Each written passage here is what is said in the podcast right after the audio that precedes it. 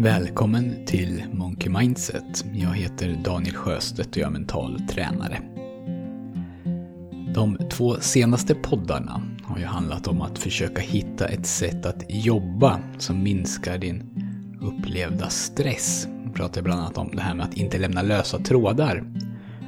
Och strävandet efter att kunna jobba fokuserat med en sak i taget. Och då har jag pratat om att hitta tillfällen då du kan arbeta ostört till exempel. Att skapa utrymme för att kunna jobba på ett sätt så att du kan prestera ditt bästa samtidigt som du fungerar bra även vad gäller till exempel välmående. Och mina exempel de har ju hittills handlat mest om, eller kanske bara om, arbetslivet. Men jag tror att samma tankesätt kan föras över på vårt privatliv också.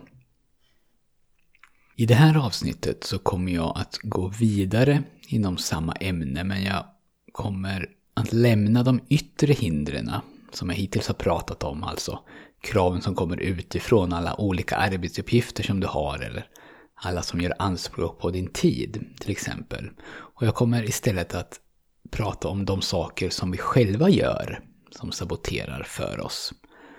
För det kan ju vara så att vi i vissa situationer får tid och möjlighet att jobba precis så som vi vill.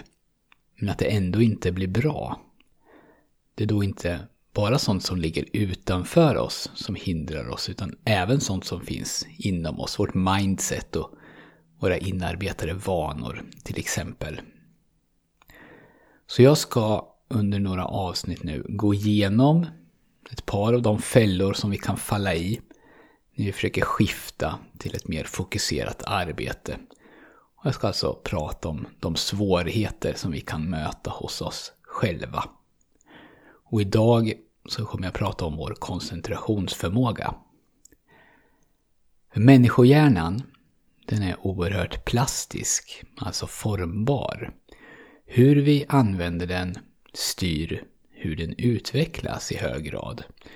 Beroende på vad vi gör så aktiveras olika delar av hjärnan. Hjärncellerna jobbar. Och om hjärnceller som ligger nära varandra i hjärnan jobbar samtidigt så skapas band mellan de här hjärncellerna. Och ju mer man jobbar med just den här saken, desto starkare blir banden och desto bättre blir man ju på just det här sättet att jobba. Så om vi jobbar någorlunda linjärt så blir vår hjärna bra på det. Och med linjärt så menar jag då att man till exempel läser en bok från början till slut eller att man påbörjar en arbetsuppgift och jobbar med den tills den är helt klar.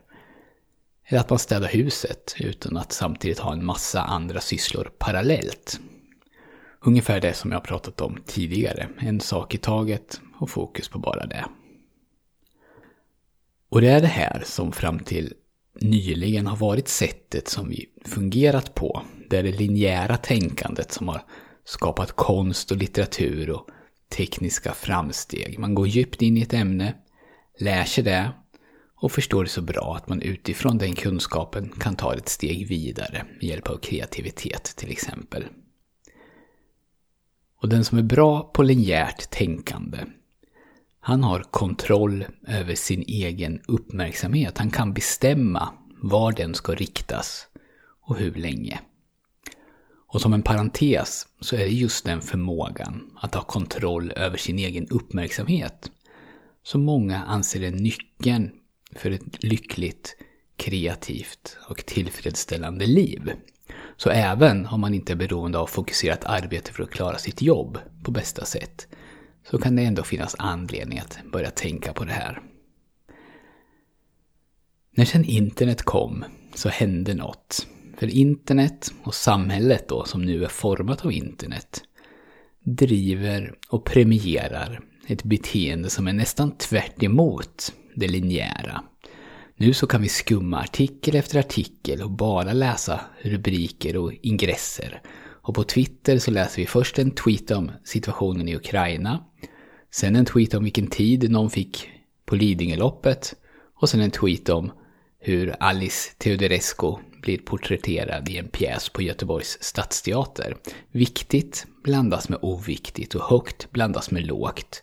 Och det finns ingenting som separerar de här som visar vad som är vad. Och att hoppa från tuva till tuva, från ämne till ämne, det premieras. Möjligheterna att utan egentligen någon ansträngning alls lära sig lite om väldigt mycket. De är oändliga. Och det här är en ganska skön känsla, åtminstone i stunden, för det känns som att man har koll. Man vet i stort sett vilka länder som är med i G7 och man vet i stort sett förnamnen på dem i Paradise Hotel. Och det här gör förstås också någonting med våran formbara, plastiska hjärna. Om vi spenderar stora delar av våra dagar på att koncentrera oss tre sekunder i taget på det som råkar dyka upp på skärmen, då blir ju vår förmåga att fokusera under längre perioder, vår förmåga att själv styra vår uppmärksamhet, den blir ju lidande. Så om du då får en timma allokerad till fokuserat arbete i ett tyst kontor med ett tomt Word-dokument, så är det inte så jäkla lätt. Din uppmärksamhet är kanske van med ständig stimuli. Och när den inte får det, så är det inte bara att den ger upp och börjar fokusera på det som behöver göras. Nej, den letar ju vidare så det blir jättesvårt att koncentrera sig. Man börjar tänka på annat eller kan inte låta bli mobilen. Många av oss, vi har glömt, eller vi håller åtminstone på att glömma, hur man gör när man koncentrerar sig. Vi har inte längre kontroll över vår egen uppmärksamhet. Och du kan läsa mer om det här i en bok som heter The Shallows, What the Internet is doing to our brains. Och den är skriven av Nicholas Carr. Så vad kan vi då göra? För det första så tror jag att vi inte ska vara rädda för internet eller media. Att reflexmässigt tänka att det är dåligt eller fel. För det finns ju massor av bra saker såklart med den här utvecklingen. Men vi behöver nog inse att det inte är lösningen på allt. Och att det här sättet som många av oss lever på idag, det innebär också utmaningar som behöver hanteras. Och den lösning som forskning visat fungerar är att i viss mån gå tillbaka till basics. Alltså att göra det som din mamma sa till dig att du skulle göra.